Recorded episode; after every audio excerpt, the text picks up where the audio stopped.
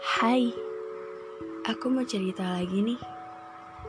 Cerita yang mungkin beberapa orang termasuk aku pernah ngalamin ini juga. Aku ada sedikit kata-kata indah.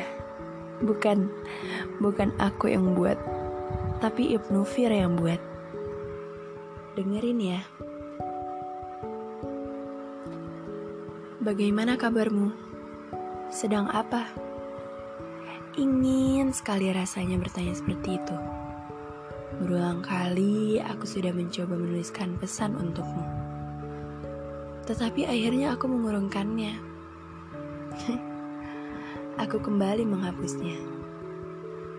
Ternyata rasa rindu memang sulit sekali untuk dihindari. Apa kamu pernah mengingatku? Aku tidak tahu sejak kapan pertanyaan itu memenuhi isi kepalaku. Tetapi aku sadar, itu sangat mustahil. aku bahkan sebetulnya sudah tahu jawabannya. Jika pergi dariku saja mudah, tentu melupakanku bagimu bukanlah hal yang sulit.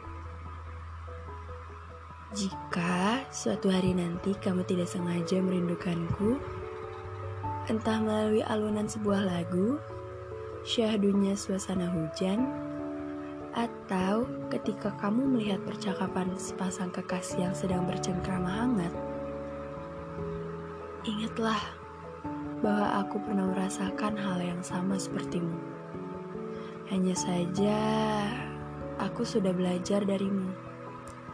Menjadi sosok sepertimu seseorang yang tak pernah lagi sedikit pun menoleh ke arahku. Saat kamu tidak sengaja merindukanku, kamu tidak perlu lagi mencariku. Seperti aku yang pernah berulang kali menyimpan pertanyaanku sendiri. Dari Ibnu Fir. Kali ini problemnya tentang rindu. Ah, itu bukan problem tapi alamiah. Tak ada habisnya bercerita tentang rindu. Rindu teman, rindu keluarga, rindu kamu. Eh, bercanda. Aku tahu pasti. Beberapa orang yang dengar ini sekarang pun lagi rindu seseorang. Entah siapa pun itu, aku tahu beberapa orang yang dengar ini belum berani mengungkapkan apa kabar. Padahal kalimat itu terlalu simpel ya. Gak usah gengsi gitu. Aku tahu kok kenapa kamu bilang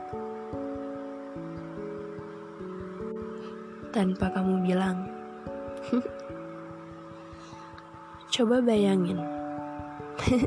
Paling enak kalau masalah ngebayangin ya. Oke, coba bayangin kalau sebenarnya aku, ada cerita. Misalnya si Tuan merindukan si Nyonya dan si Nyonya merindukan si Tuan. But what? Tertempel besar-besar di dahi mereka huruf G E N G S I. Ya, gengsi.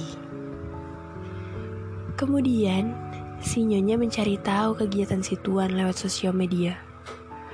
Membuka terakhir dilihat, membaca percakapan lama dua insang yang sejatinya saling menyukai, dan melihat apa yang disukai si Tuan akhir-akhir ini. Hmm? Si Tuan pun sama. Ia tidak tahu memulai percakapan dari mana. Ia selalu takut namun kemudian si Nyonya membuat stories bahwa dirinya sakit. Sang tuan tidak tahu bahwa sebenarnya story itu hanya ditujukan kepadanya. rindu itu nggak melulu tentang aku rindu atau aku kangen. Tapi dengan kalimat apa kabar, itu bisa merubah segalanya. Um, Mungkin bukan segalanya, tapi beberapa part dari cerita yang akan dimulai. Hmm, Aku mau cerita apa lagi ya? Oh ya, congratulations ya teman-teman yang lulus tahun ini. Sedih ya, awal-awal ketemu teman-teman masih jaim, gengsi. ya, pepatah jika ada pertemuan pasti ada perpisahan sedang kurasakan saat aku membuat podcast ini. Sedih sekali ya. Sedih sekali. Saat tahu kita libur, tiba-tiba seminggu, dua minggu, sebulan, dan tibalah tanggal yang di mana seharusnya sedang berpelukan, menangisi candaannya mengisi 24 per 7ku. Cekcok, adu argumen, Banyak sekali kalau diceritakan.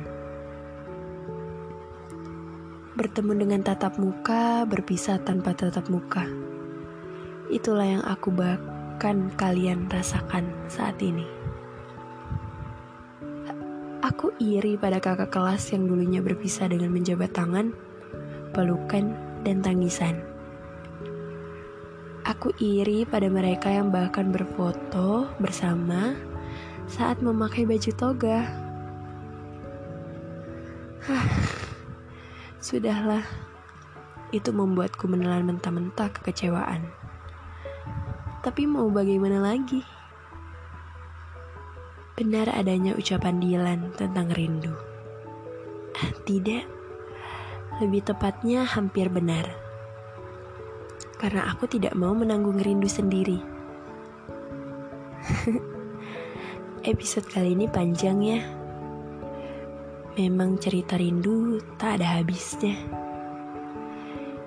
Oke, jadi kesimpulannya bersyukur apa yang kamu dapatkan hari ini, kemarin, dan besok.